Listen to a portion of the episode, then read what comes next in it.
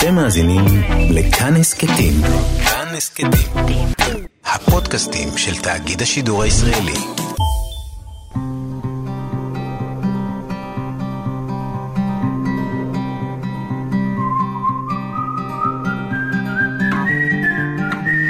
אחת פלוס חמש. אורחים וספרים עם ענת שרון בלייס. כשהייתי כמו בתמונה, רציתי לעשות בעצמי את כל מה שכתוב כאן. אחר כך שכחתי, ועכשיו אני זקן, וכבר אין לי לא הזמן ולא הכוח לנהל מלחמה. ונתתי להדפיס את התמונה הזאת דווקא, מפני שיותר חשוב איך הייתי כשבאמת רציתי להיות מלך, ולא איך הייתי כשכתבתי על המלך. בכלל, אני חושב שיותר נכון לפרסם תצלומי מלכים, תיירים וסופרים, לפני שהם מבוגרים וזקנים. כי אחרת אפשר לחשוב שהם היו חכמים מיד בהתחלה, ולא היו ילדים אף פעם. והילדים עלולים עוד לחשוב שהם לא יהיו לעולם שרים, תיירים או סופרים. וזה לא נכון. מאזינות ומאזיני כאן תרבות, שלום לכם. אורח אחד באולפן עם חמישה ספרים אהובים, והיום נמצא איתי המשורר, אלכס בן ארי. שלום, אלכס. שלום, ענת. ספר שירים חדש שלך בשם צי, שראה אור בסדרת כבר של אה, מוסד ביאליק, שערכה ליאת קפלן. ראה אור uh, בסוף הקיץ, וקבענו להיפגש, ואז אירע ה-7 באוקטובר, ואנחנו נפגשים עכשיו, אחרי uh, יותר משלושה חודשים, כדי לדבר על השירים שלך ולדבר על הספרים שאתה אוהב. ואני אבקש ממך דבר ראשון לקרוא דווקא את השיר שסוגר את הספר, הוא שמו אלכס, אתה מתגעגע. אלכס, אתה מתגעגע. אלכס, אתה מתגעגע. אתה יושב בלילה ומתגעגע. לבד, מול חלון גדול, בחוץ חושך, בינך לבינו משתקפת מנורת הבית. אל תפחד, אתה מתגעגע, תן לזה לבוא. אל תקום, אל תכתוב. ותר לו, מסור את עצמך בידו. זה מה שיש עכשיו, אלכס, הכמעט חסר הצורה הזה. פתח לו, דובב אותו, התר לו מה שברצונו. קום, לך בבית, כאילו הוא לא פה. תן לו לרמות אותך, להידמות לדרך. מה כתבת לעצמך, אלכס? קודם כל, זה באמת לעצמי, זה שיר, אה, שיר מאוד אינטימי. והוא מקבל איזו תאורה מאוד חזקה פתאום לשים אותו בספר, ועוד בסוף של ספר, אבל הוא... אבל הוא בעצם שיר באמת מאוד אינטימי ברגע של כאב מאוד גדול, ואז הוא מביא אותך... בשיר הזה, זה, זה רגע שהגעתי לאיזה פתרון בדמות של, אני חושב, בדמות של להיעלם בתוך הדבר. כאילו להיות, פשוט לוותר, להרפות, להתמוסס לתוך ה, הכאב, ולמצוא משם את הדרך. זאת גם דרך. אפשר להילחם, אפשר להתעלם, ואפשר uh, להסכים. ואפשר להיעלם לכתוב. לתוך זה. אפשר לכתוב שיר? אתה כותב כשחושך? זה באמת שאלה מעניינת, העניין של הכתיבה, כי, כי כאילו זה, זה כאילו אה, סותר את מה שאמרתי, כי אם אתה נעלם לתוך הדבר, אז מי, מי כותב את זה? אבל אולי בזכות זה שאתה מסכים להיעלם, אז פתאום, אה, פתאום קורה הדבר החדש הזה, שאתה מקבל איזה, איזה כוח מסוג חדש, ומשם אתה, אתה יכול לכתוב, כי אתה, אתה כבר לא נתין של הסיטואציה. ברגע שאתה מסכים לגמרי להתמסר לזה, לוותר, אז משהו ביחסי הכוחות משתנה. אז פתאום אתה חוזר עם, uh, כאילו ממקום אחר, כמו פאקמן שיוצא מצד אחד. ו... האמת היא שזה, אני חושב על זה עכשיו, זה מהלך שאני מכיר מימים סמויים, הספר הראשון שלי, שהוא יצא ב-2008, 15 שנה לפני הספר הזה, והוא מין, הוא קצת אח תאום שלו, במובן הזה שהם שני הספרים הליריים היחידים שהוצאתי, מתוך שישה. כן. ולמשל, אחד הדברים הוא שהספר הזה, צי, נפתח בשיר שעוסק באשתי הראשונה, ששמה היה איה, אה, היא לא מוזכרת בשמה, הוא בעצם שוב חוזר אליה, ב- לרגע. ראיתי אותך ברכבת לברצלונה, ובפעמים אחרות, שכבר אינני זוכר. החיוך הענק עולה כמו מסך של מועדון לילה גדול. הגוף הקפיצי מסתיר בקפידה את מאמציו להיות. ראיתי אותך שוב, בלי לזכור שכבר אינך בין החיים. חלל הקרון הסמיך מאפשרויות. גם הפעם בחרתי נכון. לא קמתי, לא ניגשתי, לא נבהלתי לכרוך אותך בדברים. תחנה אחר תחנה, נותרתי יושב, מציץ בך, מציל שוב ושוב את נפשך. בעצם הסיבה שנזכרתי, כי זה קצת דומה לשיר הראשון הזה, אלכס, אתה מתגעגע, כי זה היה רגע של כאב עצום. היא, היא, אמ, יש שם סיפור, כאילו, ביוגרפי קשה, היא התאבדה, אה, ככה היא מתה. ו... והיה שם כאב עצום ואיזושהי תחושה כזאת שבאמת אין, אין מה לעשות עם הדבר הזה. אתה, זה עומד להכריע אותך, מזה לא, אי אפשר לקום מהדבר הזה. ו... וקרה שם מין מהלך דומה של, של באיזשהו רגע שהשירה פתאום הגיעה כמו איזה, לא יודע, כמו איזה אל שבא לשמור עליך, או כמו איזה... אה, ו... והוא לא, לא פותר את הבעיות, אבל הוא אומר, אני כאן, אם אתה... כלומר, הבנתי, אמרתי, זאת הדרך שלי לעמוד מול זה. אז מה זאת שירה, אלכס? ככותב, כקורא? אני אוהב את ההדרגתיות שבה את מתחילה מהשאלות הקטנות ומתקדמת. מה זאת שירה? אני יכול להגיד לך מה היא הייתה פעם ומה, היא לא. אולי זה גם יכול להוביל אותנו לאחד הספרים שהבאתי. כי אני נכנסתי לשירה דרך, אה, דרך נתן זך. אה, בזכות זה שהיה לי מורה מאוד מאוד טוב לספרות, שקראו לו שמואל רפאל, והיום איש חשוב באוניברסיטת בר אילן, במרכז לחקר הלדינו, וגם משורר בעצמו. ואני זוכר שבתיכון הוא לימד פעם את "אני שומע משהו נופל",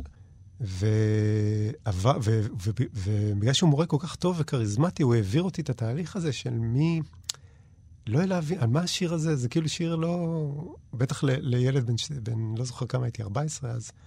הוא העביר אותי מהתהליך של להבין, לא להבין מה זה גיבוב הבתים הזה, למה כל בית הוא על משהו אחר, ו... ו ל, לצלילות מוחלטת, לאיזו בהירות של, וואו, אני מבין לגמרי על מה השיר, ואני מבין גם את, ה, את הדבר שהוא מצביע עליו, שאי אפשר להגיד אותו בשום דרך אחרת, הוא לא מילולי, ואי אפשר להסביר את התחושה הזאת, אלא בשיר.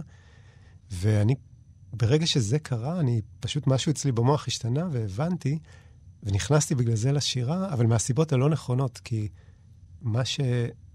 אני... תקרא את השיר הזה של זך, לפני שנמשיך. אני, אני שומע משהו נופל, נתן זך. אני שומע משהו נופל, אמר הרוח. שום דבר, זה רק הרוח, הרגיעה האם. גם אתה אשם וגם הוא אשם, פסק השופט לנאשם. אדם הוא רק אדם, הסביר הרופא לבני המשפחה הנדהמים. אבל מדוע, מדוע, שאל את עצמו הנער, לא מאמין למראה עיניו. מי שאינו גר בעמק, גר בהר, קבע המורה לידיעת הארץ, ללא קושי ניכר. אבל רק הרוח, ששמט את התפוח, הוא זכר, מה שהעלימה מבנה האם, שלעולם, לעולם, לעולם, לא יהיה לו מנחם. זה כמובן שיר נפלא עד היום, אה, והוא בעצם גם מדבר על הדבר הזה שאתה, you can only say so much, כן. במילים, ו- ובעצם הדבר המהותי ש- שאתה מרגיש, מה שהנער שמרגיש הוא לא מילולי ואי אפשר לומר אותו, ואפשר לומר אותו ככה אה, בשירה. ולי קסם הדבר הלא נכון. המסקנה שלי הייתה שבשירה יש אה, סוג של עוצמה שאני רוצה לעצמי. ובגלל זה נכנסתי לשירה. נכנסתי כי מתוך איזה תאוות כוח רציתי משהו. גם היום זה ככה? לא, היום זה לא ככה, אבל אז זה, אמרתי לעצמי, זה, כאילו, אמרתי כמובן לא במילים, אלא ככה אתה מרגיש, שהשירה תיתן לי את העוצמה הזאת, והתחלתי לחפש אותה. התחלתי לכתוב, התחלתי לקרוא, מתוך תאוות הכוח הזאת, ולקח לי זמן לשחרר אותה, ועכשיו אני כבר לא בא לשירה מתוך תחושת הרצון לכוח, אלא ממקומות אחרים מאוד, אבל, אבל כן, יש בה את היכולת הזאת לתת לך, להפיח בך רוח. כאילו, לגרום לך להזדקף ולצאת לעמוד מול מה שאתה צריך לעמוד מולו. יש לך בספר החדש, בצי, שיר קטן, שירה. אני הולך בתוך העולם, ומשהו הולך בתוכי. אני אינני פוחד מפניו, והוא אינו מבחין בי. נכון. זה הרבה יותר משקף את המקום שאני נמצא בו ביחס לשירה היום. אז נתחיל קצת תוך כדי השירים שלך, גם לדבר על הספרים שהבאת לכאן, ואז הזכרנו את נתן זך, ואנטי מחיקון נמצא פה הספר שלו משנות ה-80. הוא נמצא כאן גם בגלל המקום המרכזי כל כך של זך, כמו שסיפרתי כן. בכניסה שלי לשירה. ו... ואני רוצה לקרוא מתוכו שיר אחד שהוא יקר לי במיוחד, למרות שהספר הזה מלא בשירים נפלאים. אנטי מחיקון אז כינו את ה... בטלוויזיה הישראלית שמחקו את הצבע כדי שהיא תהיה בשחור לבן. בדיוק. וזה האנטי מחיקון. יש לו, יש לו ש... כאן אה, ש... אה, מין שיר שנקרא שלושה שירים שלא נכתבו. יש לו שלושה חלקים, אני אקרא רק את הראשון. א', כתבתי דברי ברכה לנישואי ידידיי. הציצה נערתי מעל לכתפי ואמרה, תודה לאל, חזרת לכתוב שירה לירית. פגשתי את ידידי אחרי נישואיו, ואמר לי, אפילו את המאכלים האהובים עליי אינה יודעת לבשל.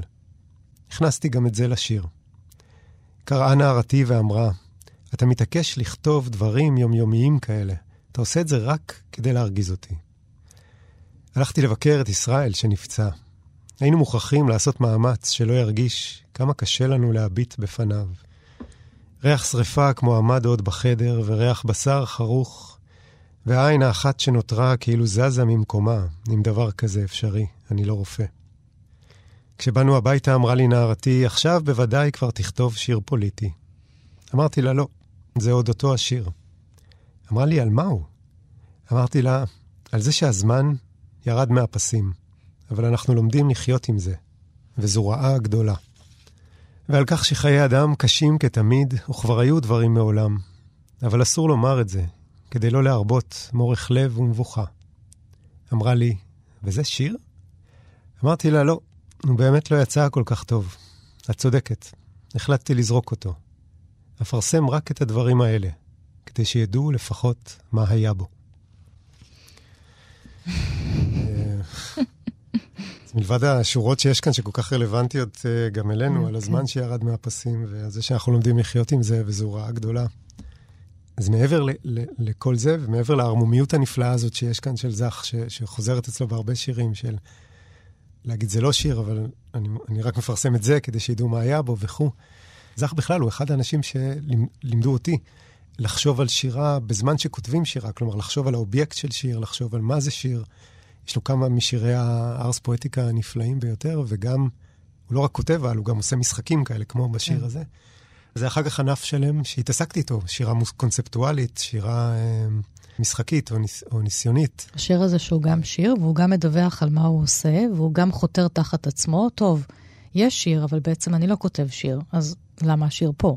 נכון. אז הוא משחק איתנו זך. נכון, והוא גם שואל... והוא גם, הוא גם, יש בו גם יופי וכאב, אבל גם ציניות, אירוניה.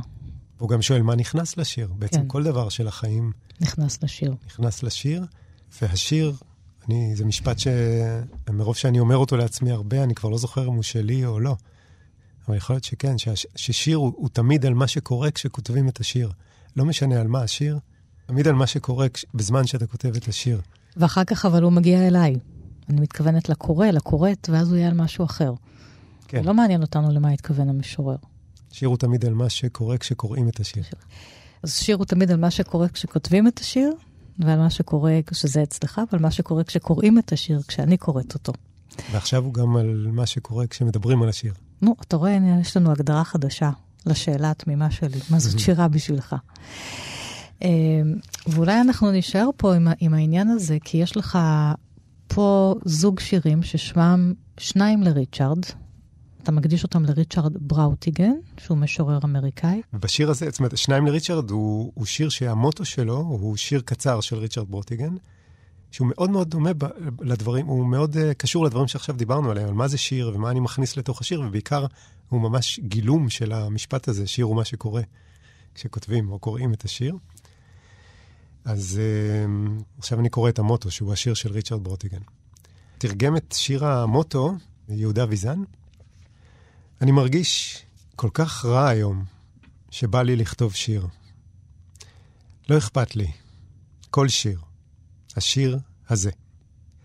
אז uh, אני קראתי את השיר, ואז כתבתי בעקבותיו uh, שני שירים, שגם הם עוסקים באמת בשירה ובעצם בכל השאלות שדיברנו עליהן עד כה.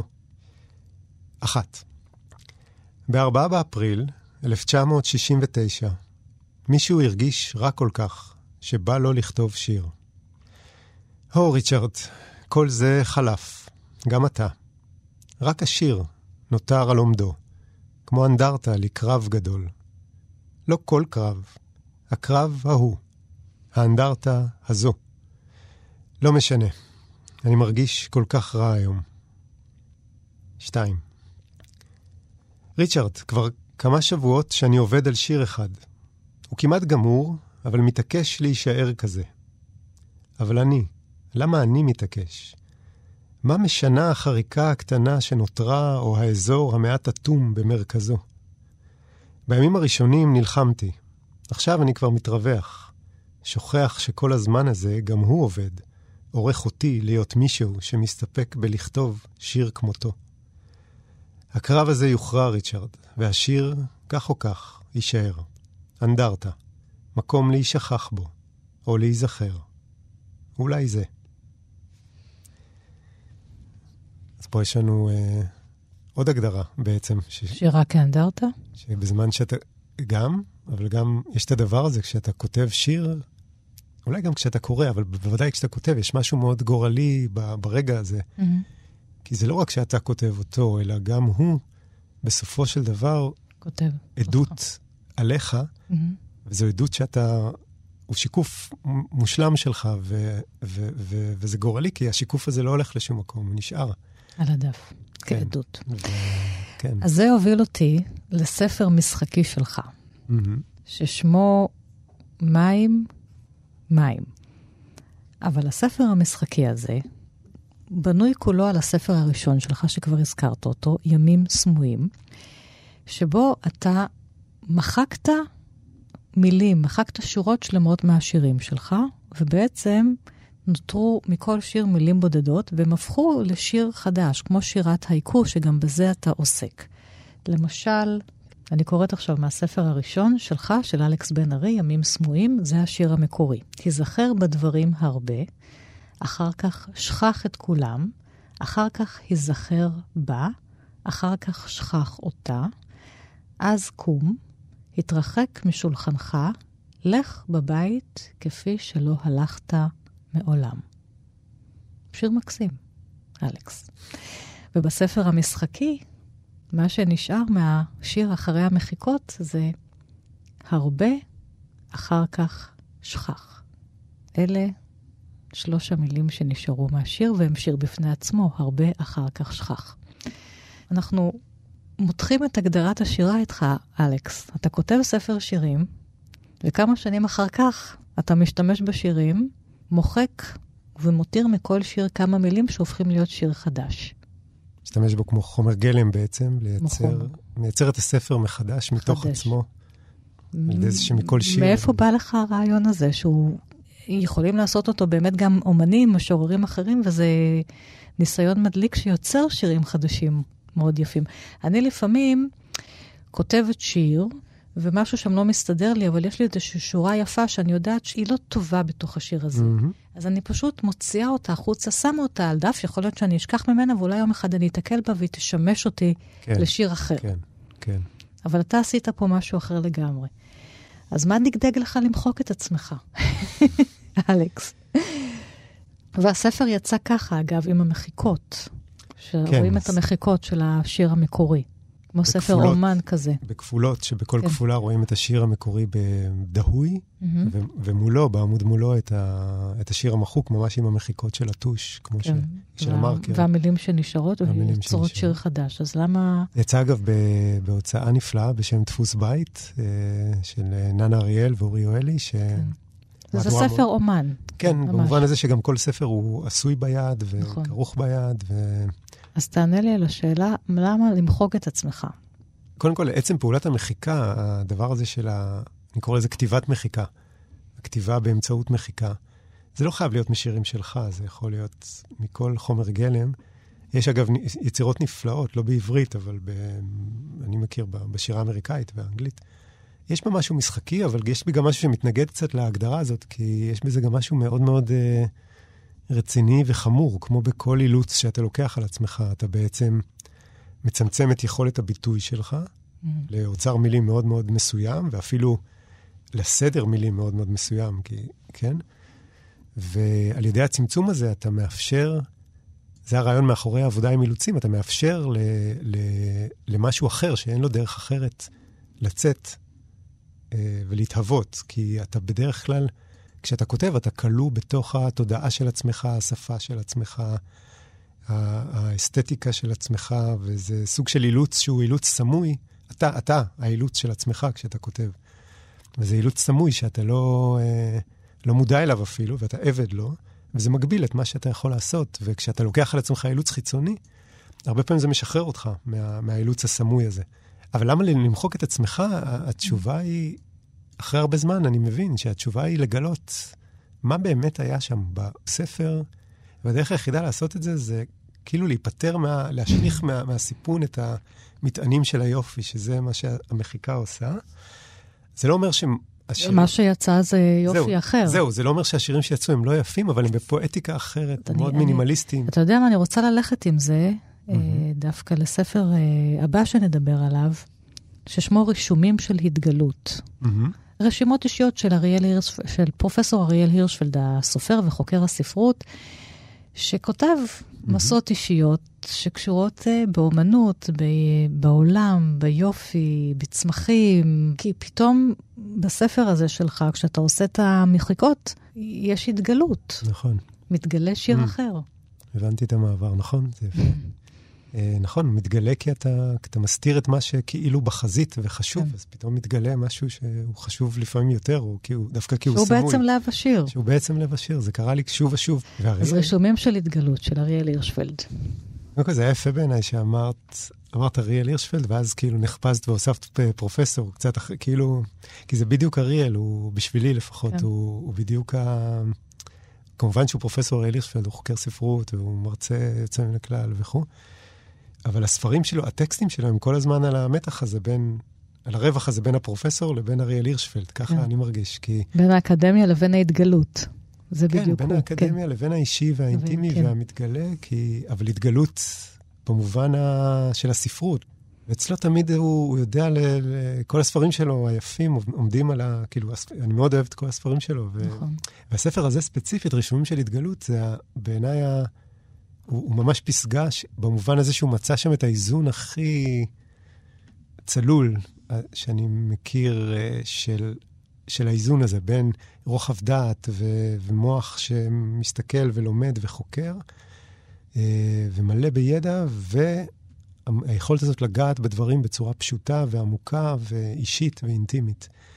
והכל סביב המושג הזה של התגלות, שהוא מושג מאוד משמעותי בשבילי, ובתוך הספר הזה מסתתר מסתתרת מסע אחת שנקראת הכפיל, שהיא הפסגה שעל הפסגה, אה, אני חושב. ובתוכה יש קטע ספציפי, שהוא הפסגה של הפסגה של הפסגה, שאותו אותו חשבתי לקרוא, כי זה, זאת, זאת מסע שבה הוא, הוא, הוא מסתובב במוזיאון, אני לא זוכר איזה אפילו, והוא uh, פוגש, הוא רואה מישהו שממש ממש דומה לו, פיזית, פשוט כפיל שלו. ואז מתחיל לקרות משהו מאוד uh, מסעיר ומטלטל ועמוק, במובן הזה שהוא... הוא פתאום עובר מפשוט לראות מישהו שמאוד דומה לו, לאיזו מחשבה, רגע, אולי זה אני, שזה עדיין בתחום ההיפותזה המשחקית, ואז פתאום הוא כאילו נופל מהצוק, ומאיזה צוק מטאפורי, וממש חווה בזמן אמת מה זה אומר לפגוש את עצמך. כאילו פתאום עושה את הקפיצה וממש פוגש את עצמו, ואני אקרא את הרגע המסעיר הזה שבו הוא פוגש את עצמו. אז הוא מתקרב לאדם הזה, האדם הזה לא מודע לכל הדרמה הזאת, אבל הוא מתקרב והולך ומתקרב אליו, ואז הוא אומר, ראיתי פתאום מראה פנימי. משהו שאינו קשור בגופו של הדומה לי, אלא הוא גילוי של איזו תמונה פנימית של אני, שלי עצמי, אלא שהיא הייתה חיצונית לי, ואני כמו התנסיתי בלבוא אליה מבחוץ, כאילו באמת אני בא לפגוש את עצמי, כשאני מצויד לא רק בצבא המחושים שלי, אלא גם בבקיאות יוצאת מן הכלל, יחידה במינה. באתי כמו אל גבולותיה החיצוניים של ארץ המוכרת לי עד מאוד, אבל זה שנים לא הייתי במחוזות הספר הללו. והנה, המחוזות הללו היו עשויים רשתות רשתות, סבוכות עד מאוד של חיישנים וחושים מעודנים ביותר. ידעתי שאלו הם חושיי שלי, או שהם דומים לחלוטין לחושיי שלי, אלא שהם פרוסים עכשיו מולי ואני צריך להישפט באמצעותם, להיות מוחש על ידם, להיות מנותח בתוכם, להצטרף באמצעותם לתודעה המורכבת השוכנת מאחוריהם, גדולה וארוכה עד אין סוף. ראיתי פתאום איך נראים חושיי שלי כשהם מופנים לזולת, והנה הם רשת מזורה, רוכשת תנועה, רגישה ורוטטת עד גבול הטירוף או האבסורד, מעודנת ואכזרית, שופטת קרה, חששנית כחילזון קרוע קרום. משהו מתנשא, נרדף, מתגונן, עוין, היה במרחשת הכורים הזאת. הוא ממשיך אחר כך, אבל זה פשוט תיאור פנטסטי של איך אדם מביט בעצמו, אבל באמת, באופן חי, ומבין איך זה להיות תחת המבט של עצמו, איך הוא, בעצם איך הוא פוגש את העולם. זה מזכיר את השיר שפתחנו איתו את התוכנית, אלכס, אתה מתגעגע. אריאל, אתה מתגעגע. כן. וגם שם אתה מביט בעצמך. נכון, אבל בניגוד לשיר שלי, כאן זה הולך למקום של, של הטלטלה הזאת, של המפגש, של פתאום לראות את כל ה... גם הגודל וגם המורכבות והחשד והפגיעות, וה... זה פשוט רגע נפלא של פשוט של התגלות, של, של התגלות.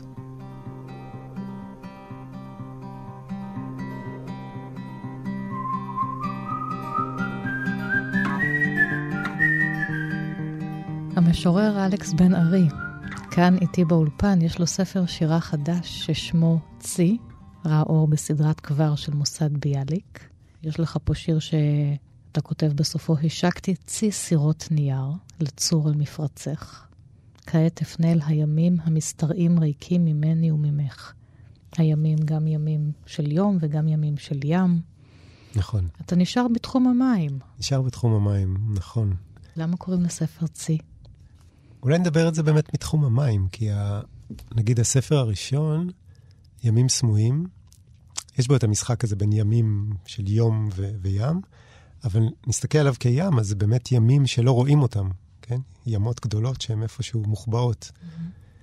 ואחר כך יש את מים מים, שחוזר אליו וכאילו מעלה על פני השטח את המים, ומציף כאילו במים. דווקא בזה שהוא מוחק, הוא מעלה, כמו שדיברנו. ואני חושב שצי זה שם טוב לספר הזה דווקא כי, כי, כי זאת הפעולה שלו. זו פעם ראשונה, אני מרגיש שאני זז בחופשיות על פני המים האלה. אז הנה שיר על תנועה, ששמו שורה. איך להניח את העצב בשורה עם הדברים. עננים, מפתחות, מפה לבנה, אנשים ממהרים. חרצים על שולחן, אדנית, פקק של עט, שני עצים. מפתחות, גב כיסא, משקפיים, עצב, כוס קפה, עננים. הוא התפרסם לפני כמה שבועות באתר של בית אה, לאומנות ישראלית, כשהאוצרת צאלה קוטלר הדרי ביקשה מאומנים שונים להגיב ל-7 באוקטובר. והשיר שלך, פתאום ראיתי אותו שם. כן, הוא באמת... אה, למה שלחת לה את השיר הזה? כי הרגשתי... אני מרגיש כל, כל הזמן הזה, מאז, אה, מאז השבעה באוקטובר, ש... וביתר שאת, ככל שהזמן עובר, שזה ה... זה האתגר, ה... או לא האתגר, זה מה שקשה לעשות, אה, להניח את העצב בשורה עם הדברים. בדיוק הפעולה הזאת של... אפשר להגיד, פשוט להיות, להיות בן אדם במלואך בתוך המצב, במובן הזה כן. שלא לא להיות רק בתוכו, כאילו לא לתת לו את כל ה... לא להשתעבד לו, אבל גם לא למנוע ממנו את המקום שלו, ואיכשהו להצליח לחיות איתו כל הזמן בתוך, ה... בתוך הדברים. מה זה הדברים? זה, זה החיים, היום-יום, מה שאנחנו עושים. אז כאילו, זה, זה, זה איזון שמאוד מאוד אה, קשה להחזיק, כי העולם כל הזמן העולם, העולם, המדיה, כאילו נקרא לזה, הרשתות, התקשורת, הזה.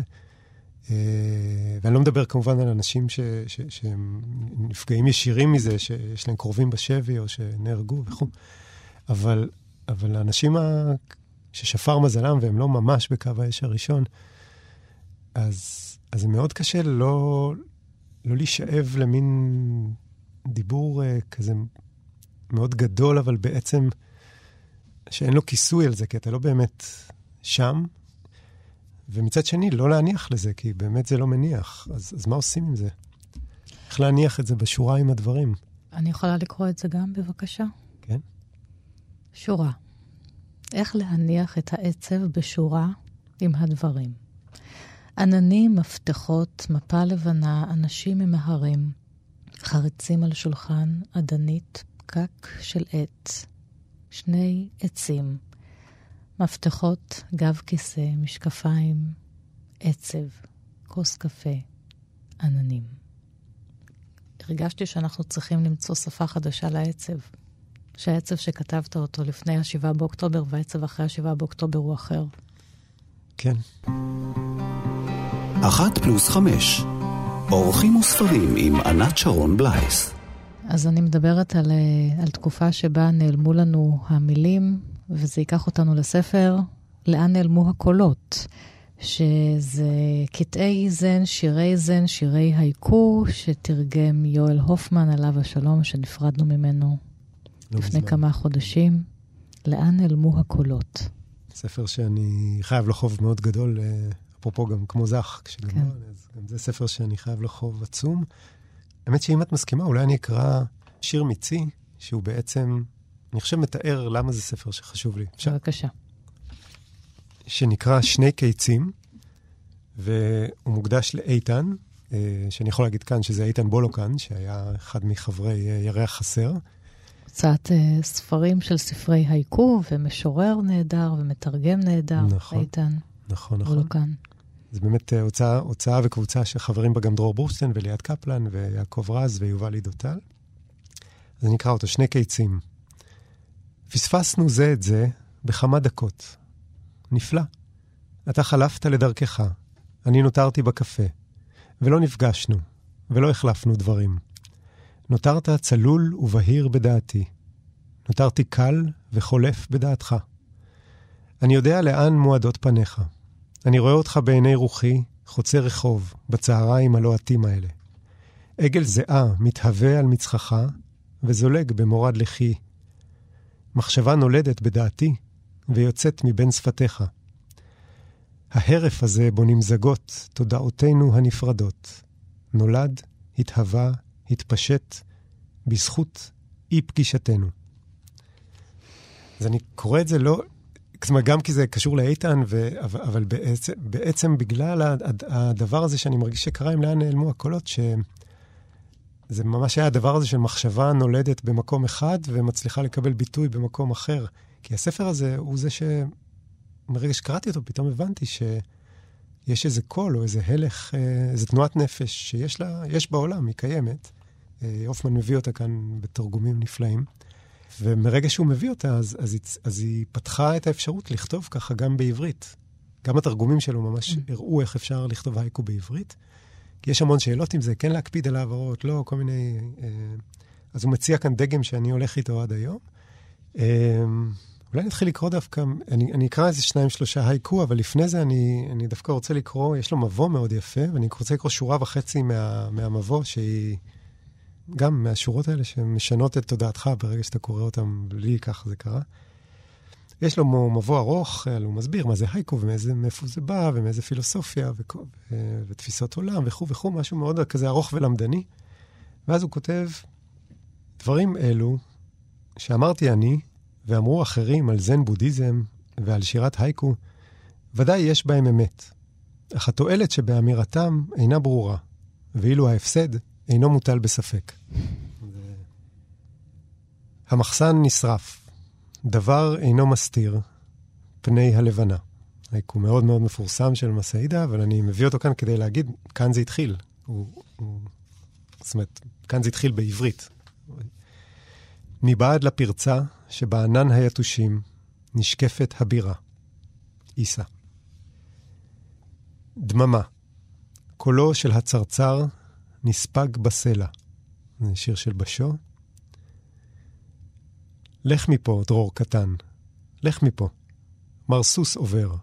זה עוד שיר של איסה, ואולי אני אסיים בעוד אחד, שהוא ה... אני חושב שהוא השיר האהוב עליי בספר, ואחד משירי הייקו האהובים עליי עד היום.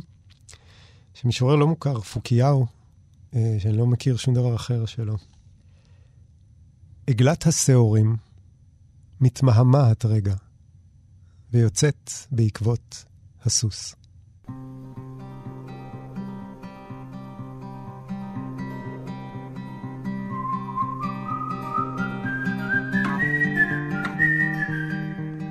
טוב, אנחנו ממשיכים, אלכס, לספר הרביעי שהבאת לכאן, ומתחבר, לא מתחבר? אני חושבת שמתחבר. קרישנמורטי? לנושא הזן, נוטבוק של קרישנמורטי, תאמר נכון. עליו אה, כמה מילים, על האיש, על הפילוסוף. הוא מתחבר גם, אה, כן, גם ללאן נעלמו הקולות, אבל אפילו, אולי עוד יותר, במ- לרישומים של של התגלות. התגלות של אריאל הירשפלד. כן, קרישנמורטי היה... קשה קצת להגדיר אותו, כי הוא לא היה בדיוק פילוסוף, הוא גם לא היה מורה. אני חושב שאולי ההגדרה הכי טובה להגדיר אותה פה זה שהוא היה, אה, הוא היה אומן. כאילו, הוא היה כמו... לקרוא אותו זה כמו כזה לדבר עם נגר אומן, או עם סתת, או עם מישהו כאילו שהוא ממש אה, master באיזשהו craft. פשוט ה craft שלו הוא מאוד מאוד רחב, ה craft שלו הוא בעצם התודעה האנושית. זה המכניקה של איך התודעה שלנו עובדת ואיך אנחנו הווים בתוך העולם. כן. והוא יודע אה, לחקור אותה, להבין אותה, להתבונן בה ולדווח מתוכה. והוא לא כתב הרבה, אה, כתבו כמו עם, אה, כתבו הרבה שיחות שהיו איתו, זאת אומרת, תלמידים שלו כתבו שיחות שהיו איתו, גם לא בדיוק תלמידים, הוא שוחח עם הרבה אנשים, מי שרצה הוא היה, הוא היה משוחח איתו. אז הוא כתב מעט מאוד בעצמו, ואחד הדברים היחידים שהוא כתב בעצמו זה, זה הפלא הזה שנקרא קרישנמורטי's נוטבוק, שזה שבעה חודשים בערך בשנת, לא בערך, בשנת 61 הוא כתב את זה, לאורך שבעה חודשים, כשהוא היה בן 67 נדמה לי. אה, הוא כתב כל יום, עמוד, חצי עמוד, עד שני עמודים, הוא כתב כל יום איזושהי רשימה, שבה הוא פשוט... אה, וכל הרשימות, בין היתר הספר הזה הוא פלא, כי כל הרשימות הן כמעט זהות במובן מסוים, הן כולן מתחילות באיזה תיאור של מה שהוא רואה בחוץ, זה בדרך כלל זה בטיול בחוץ, לפעמים זה בעיר, לפעמים זה, הוא מסתובב, הוא הסתובב בין הודו לאירופה ל, אה, בת- בתקופה הזו. אז הוא מתאר אה, עצים, הוא מתאר עמקים, הוא מתאר אה, שמיים הרבה, אה, ואז הוא יוצא משם, הוא כאילו מתרחב גם לכלול את התודעה של עצמו. ומה שמתרחש שם, ו... וזה מין קריסטלים כאלה שהם הם כמעט זהים אחד לשני, ומצד שני הם, כל אחד הוא רענן בצורה... מהמם. כי זה ספר שצריך לקרוא בו ולקרוא בו ולקרוא בו. אה, והוא מלא ב, בידע של, ממש של אה, קרפטסמן, של, אה, ש, שאתה לא יכול לקבל בשום, אצל שום מורה בעיניי. אני לא, לא, לא נתקלתי בדבר כזה אף פעם. זה, זה פשוט מין ידע כל כך אינטימי וכל כך מבפנים של איך, איך דברים אה, הווים בתודעה. אז אה, אני אקרא מתוכו קטע, קטע אחד אה, מהקצרים, מה-14 באוקטובר. אה, 1901. 61. כן. אה, אז כאמור, לא יצא בעברית, אז תרגמתי אותו לצורך אה, פגישתנו, את הקטע הקצר הזה. בגנים, בדיוק במרכזה של העיר הרועשת ועתירת הריחות, על בראשיה השטוחים ועצים לרוב ההופכים חומים, צהובים וריח האדמה הלכה, שם, בעת הליכה שנעשתה בכובד ראש מסוים, הייתה המודעות לאחרות. היא הבתה ביופי ובעדינות עצומים. לא הייתה מחשבה אודותיה. היא מצויה מחוץ להשגתה של כל מחשבה, אבל היא הבתה שם בשפע כזה שהביא להפתעה ולחדווה עצומה. רצינותה, כובד הראש של המחשבה, הוא מקוטע ובוסרי כל כך, אבל צריכה להיות רצינות שאיננה תוצר של התכוונות או תשוקה. רצינות שיש בה מאיכותו של האור, שמעצם טבעו הוא חודר. אור שאין לו צל. הרצינות הזו גמישה ללא גבול ועל כן מלאת שמחה. היא הייתה שם, וכל עץ וכל עלה, כל בדל של עשב נקדשו בחיות ובהוד. צבעים עזים ושמיים בלי שיעור. האדמה לחה וזרוית עלים, הייתה חיים.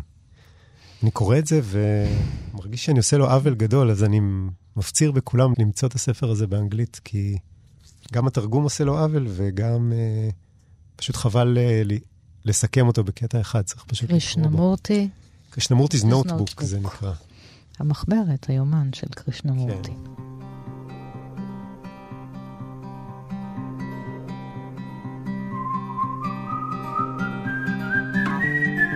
אלכס, אנחנו נחתום עם uh, ספר אחרון ונחזור לילדות שלך. בסדר. המלך מתיה הראשון של יאנוש קורצ'אק, ספר מ-1923. הנסיך בגיל 10 מאבד את ההורים שלו נכון. והופך למלך. בעצם הוא מאבד את אימא שלו עוד הרבה יותר מוקדם, כן. והספר מתחיל בזה שאבא שלו גם נפטר בגיל עשר, וכן, והוא נאלץ פתאום... אה, להפוך למלך. נאלץ להפוך למלך. ואין לו תודעה להיות מלך. ובהתחלה הוא מנסה לענות למכתבים של כל הממלכה, של כל מי ששולח לו, אבל איך מלך יכול לענות לכל המכתבים? אז הוא צריך למנות עוזרים. נכון. ואז הכל הולך ומסתבך. והוא מנסה לעשות דברים טובים, אבל אז הוא מגלה שכשאתה עושה משהו טוב, כמו לתת לילדים שוקולד בסוף כל יום, אז uh, בסוף כל יום לימודים, אז בעצם זה עולה כסף, וזה על חשבון דברים אחרים, וגם הילדים מתחילים... הוא עושה משהו טוב למישהו אחד, זה יכול לעשות כן. רע למישהו אחר. זה מעודד בריונות, כי החלשים uh, גונבים להם החזקים וכו'. זה סיפור, בסופו של דבר, אני קראתי אותו עשרות פעמים, את, הספר הזה, אני גם מחזיק כאן ממש את הכרכים המקוריים, ש, שהספר יצא ב-79 בעברית, בתרגום מאוד יפה של אורי אורלב, ומאז יצא בעוד מהדורות, אפשר להשיג אותו גם היום. אני קראתי אותו בערך כשהוא יצא, אה, אני חושב, הייתי בן אה, שש, שבע, ובטח קראתי אותו כמה שנים אחר כך, בגיל שמונה, תשע, עשר. בשבילי הוא כל כך היה משמעותי, וקראתי אותו כל כך הרבה עשרות פעמים, למרות שהרבה ספרים בילדותי קראתי המון פעמים, אבל אני חושב שהוא תפס אותי ממש ב... באותו מקום כמו, כמו מתיה. אה, ואולי ביתר שאת אפילו מילדים אחרים, במובן הזה שזה ספר על ילד מאוד מאוד מאוד בודד, שפתאום בגיל עשר זה מאוד מועצם, מוקצן מזה שהוא צריך להיות מלך של ממלכה שלמה, אבל, אבל אני מאוד הזדהיתי עם זה, כי גם אני הייתי ילד מאוד... Uh, שגדל בתנאים די קיצוניים של בדידות במובן של, אה, לא בשום מובן חומרי, גדלתי בבית רגיל והיה הכל בסדר, היה אה, בטח לא מחסור, אבל בכלכלה של הרגש, גם הייתי בן יחיד וגם סוג ההורות ש, שהופנה אליי, היה כזה שהשאיר אותי בעיקרון עם הרבה מאוד מרחבים uh, to figure things out. כאילו, בעצם עליי הוטל להבין מה זה להיות מלך במובן של, ככה הרגשתי, של המסע הזה, שגם מתיה מרגיש של מה זה... מה זה להיות אדם? כן, מה זה כן. לפגוש את העולם, מה זה לעשות דברים, איך עושים דברים, דברים נורא נורא בסיסיים. אני עד היום אה, בעצם סוג של גדלתי פרא במובן הזה, כמו שהייתי צריך אה, ללמוד את הדברים לבד, ולכן חלק גדול לא למדתי, או למדתי לא נכון, ואני עם השנים מתקן, ודברים פשוטים. בגלל זה אתה משורר, כמו... אלכס. יכול להיות. זה, ככה. גדלת, ואז בגיל 14 אתה פוגש את נתן זך, וזהו, מאז הוא... ומשם הצורך בכוח גם. משם הצורך בכוח, ו... אתה מבין משהו דרך השורות הקצרות האלה שיכולות לכוון לך את העולם. נכון, נכון, נכון. ואתה משתמש בזה עד היום. כן, אם כן, אני מקווה באופנים אחרים, לא מתוך רצון לכוח. כן, לא מתוך רצון לכוח. להפך, אני אפשר להגיד שכל השירה שלי מנוסה מכוח, אבל מתיה מאוד, uh, במובן הזה, יש גם בציס, בשיר ש, שממש כן. מתאר את זה, אולי אני אקרא אותו ככה לסיום. את אז תקרא משהו קצר ממתיה, ואחר כך כן. נסיים עם השיר שלך, על אלכס הילד. אני חושב שממטיה אני אקרא ממש את ה... אפילו לא מהספר, יש, לפני הספר יש uh, פסקה קצרה שיאנוש קורצ'אק כותב. קודם כל יש תמונה שלו, של יאנוש קורצ'אק, הוא שם פה תמונה שלו מגיל, בערך מהגיל הזה, נראה, מגיל עשר, תמונה של פעם כזו, הוא לבוש יפה עם מין צווארון מאומלן. Uh, תמונות שהיו עושים בסטודיו כזה, לי עוד יש כזאת מרוסיה, אני עליתי בגיל שלוש, ועוד הספיקו לעשות לי אז תמונה כזו. שיש צלם ויש ברקע כזה בד ויש מין צמח פה וככה, והוא יושב ומסתכל במבט כזה חשוב ונוגה למצלמה, ואז הוא כותב ככה: כשהייתי כמו בתמונה, רציתי לעשות בעצמי את כל מה שכתוב כאן. אחר כך שכחתי, ועכשיו אני זקן וכבר אין לי לא הזמן ולא הכוח לנהל מלחמה ולנסוע לביקור אצל אוכלי אדם. ונתתי להדפיס את התמונה הזאת דווקא, מפני שיותר חשוב איך הייתי כשבאמת רציתי להיות מלך, ולא איך הייתי כשכתבתי על המלך. בכלל, אני חושב שיותר נכון לפרסם תצלומי מלכים, תיירים וסופרים, לפני שהם מבוגרים וזקנים. כי אחרת אפשר לחשוב שהם היו חכמים מיד בהתחלה, ולא היו ילדים אף פעם. והילדים עלולים עוד לחשוב שהם לא יהיו לעולם שרים, תיירים או סופרים. וזה לא נכון. איזה יופי. זאת הפתיחה הנפלאה שלו. ו... לחתום עם השיר שלך בילדותי. שקצת אה, באמת מתאר את הדבר הזה של אה, לגדול פרק קצת במובן הזה, ולהיאחז בכל מה שאפשר. זה מיצי, גם בילדותי. בילדותי לא ידעתי להתלונן על בדידותי. שרוע במיטה שיחקתי שש-בש עם עצמי, והרכבתי תוכניות לימודים אישיות מאנציקלופדיות ישנות. דיברתי ברכות אל חפצים. בראתי מעשים וימים. נלחמתי בביתות ברוס לי בארנבון צמר כתום, שסרגה לי סבתי, שאהבתה בחגים ובשבתות חיממה את קירות התא. מילאתי מאות שאלוני בחן את עצמך, וריכזתי את התוצאות בטבלאות גדולות שניתן לגהור עליהן. את ספרי החמישייה האהובים קראתי שוב ושוב, וסיכמתי את מספר הפעמים שכל שם הופיע, כדי לדעת מי מהגיבורים היה האהוב ביותר על הסופרת. אלה היו ימים שאימתם לא נודעה. אש שתוקה צרפה הכל מן הפנים פנימה. הדברים שנותרו על תילם עומדים ספורים ומרוחקים זה מזה, כלבני חציר בשדה רחב. גם בספר הזה מתיה יוצא לשדה הקרב להילחם. נכון. וכתוב פה על המלחמה ועל המוות, יאנוש קורצ'אק כותב את זה בשנת 1923, הוא עדיין לא ידע מה מחכה לו ולכל mm-hmm. הילדים שהוא גידל וחינך כמעט 20 שנה אחר כך. אמ, מלחמות, הילד לא חושב, הילד מתיה, הנסיך מתיה, כמה אנשים נהרגים במלחמות. הוא מבין את זה, mm-hmm. תוך כדי. כן, יש שם ממש בהתחלה, הוא יוצא, הוא, הוא בעצם בורח מהארמון ונוסע עם הצבא, להיות uh, עם חבר שלו, רפאל, mm-hmm. והם נוסעים ומצטרפים לשדה הקרב. בעצם בזכות מתיה, במובן מסוים, מנצחים את הקרב, כי הוא כן. מוצא את מחסן התחמושת של היריב, נכון? אבל שם הוא פוגש את, ה, את החיים האמיתיים. למשל, יש לו שאלה שמדהימה אותו, הוא אומר, איך, איך כל החיילים האלה הולכים להילחם בשבילי, והם בכלל אה, לא אוהבים אותי, חלקם. כאילו, הם מדברים על המלך מתיה, שרה, כן. כל מיני זה. אומר, אז למה הם נלחמים בשבילי אם הם לא אוהבים אותי? כל מיני דברים כאלה שהם... שהוא מבין, והם כל ה... כך... אה, כניסה למורכבות, של, ה... של מה זאת מורכבות, של מה, מה, זה, מה זה להיות... מה זה להיות שליט, מה זה להיות מנהיג, מה זה לנהל מלחמה, ומה זה מוות במלחמה. המשורר אלכס בן ארי, תודה רבה לך שהגעת לכאן. עם הספרים שאתה אוהב, ספר השירה החדש שלך, צי, ראה אור בסדרת כבר, בהוצאת מוסד ביאליק. תודה רבה.